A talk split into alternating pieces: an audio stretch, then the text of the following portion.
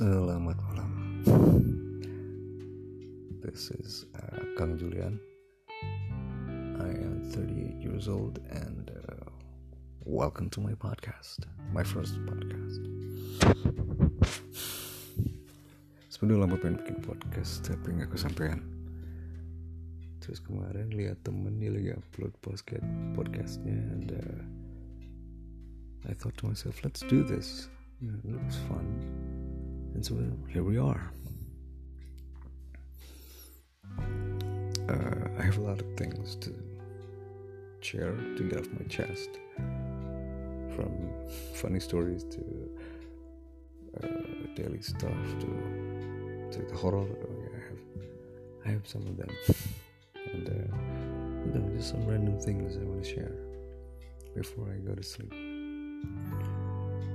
And uh, for tonight. I want to talk about something a little bit serious, and I hope you bear with me because I cannot get it off my head.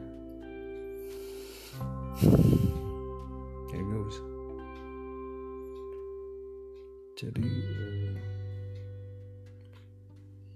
I don't know if you guys hear it, but akan sih baca tadi di Twitter jadi ada atlet berenang 19 tahun dari Malaysia who was found dead in his house. And uh, ibunya bilang dia udah depresi berapa hari ini. Dan dia juga ninggalin pesan di IG story yang it's quite sad actually. Kalian bisa google sendiri ya. Ayrton Lim namanya. Pasti ada nanti Lim berenang dari Malaysia. The news stuck with me all day and, so I just need to get it off my chest tonight. Jadi kemarin kemarin itu kalian suka posting story kan posting video atau meme lucu di story IG habisnya suka di reply sama teman-teman. Termasuk satu teman ini uh, yang reply dan we were, we were chatting casually on my Instagram DM talking about my story and uh, I think we were talking about something I don't know, I forgot tapi lucu lah something video lucu gitu terus tiba-tiba dia bilang Kang I almost hurt myself severely yesterday. I was shocked and uh, I asked, uh, Were you alone? And uh, how is he now? And he said that, Well, he's okay now, but when it happened, waktu kejadiannya, itu sore-sore sebenarnya ada ada pacarnya ada temannya juga sebenarnya lagi mungkin lebih baik aja kali ya tiba-tiba dia bilang dia pengen dia masuk kamar kunci pintu and uh, he the voices in his head was overwhelming and he he wanted to hurt himself. Perjalanan gedor-gedor pintu tapi kan dikuncikan. Sampai untungnya ada satu teman yang bisa beberapa masuk and stopped him. God bless his soul. So So my friend was okay. Thank God. But and then we got to talking. Dia akhirnya cerita soal kondisinya uh, ini itu dan aku tahu sih dia lagi ada kan tahu soal kondisinya dia suka sharing dia lagi down dia lagi he has issues mentally and uh, he's just trying to deal with it dia pergi ke psikolog dia he's dealing with it.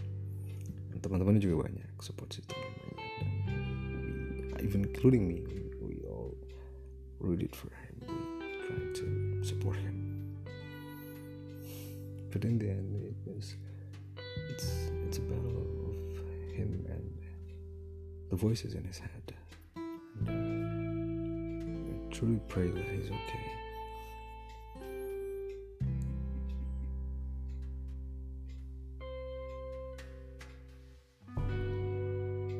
I myself had some lowest points in my life that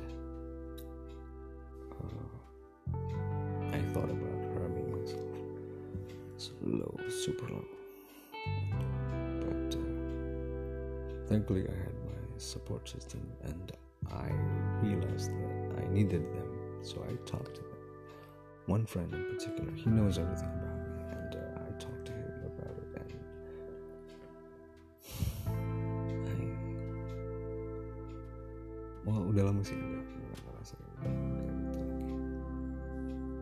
Twitter helps for me. Twitter helps. I know it sounds silly but Twitter actually helps me. Oh, the thing when you the thing with the voices in your head is that they always try to I don't know corner you. Kayak menyudutkan kamu untuk supaya sendiri supaya rentan supaya lemah menjauh dari yang lain which is very dangerous. To be alone with with your own thoughts in your head is very dangerous. I've trust me I've been there firsthand. And so I know it sounds silly but yeah Twitter actually helps. So your friends, replying to strangers, lihat video-video lucu, video kucing, foto kucing. It helps.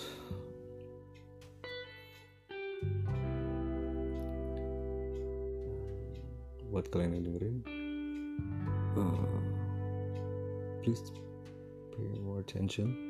Perhatiin orang sekitar kalian, terdekat kalian. They might be suffering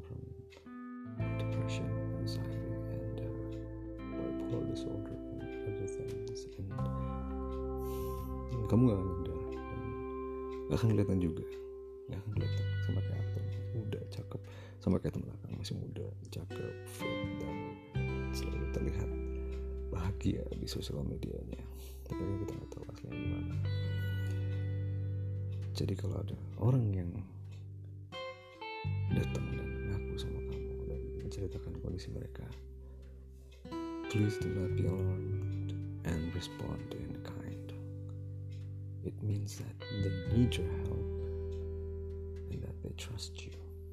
It is not an easy thing to talk about your condition. So when they do, when they do approach you and come to you with their condition, please, please respond in kind. Give them your time give them love and just be there for him but for them for her.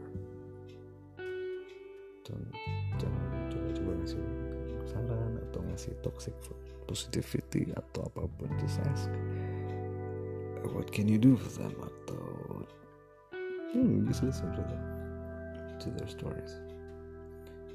And tell them that they're not alone. Be their support system. Don't judge them,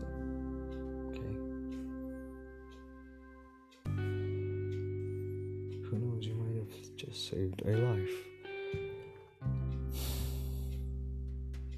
Agak berat ya topiknya. well, at least I get it off my chest and uh, next time I promise I'm gonna be sharing something a, a little less serious than this cerita horor sih yang berikutnya sih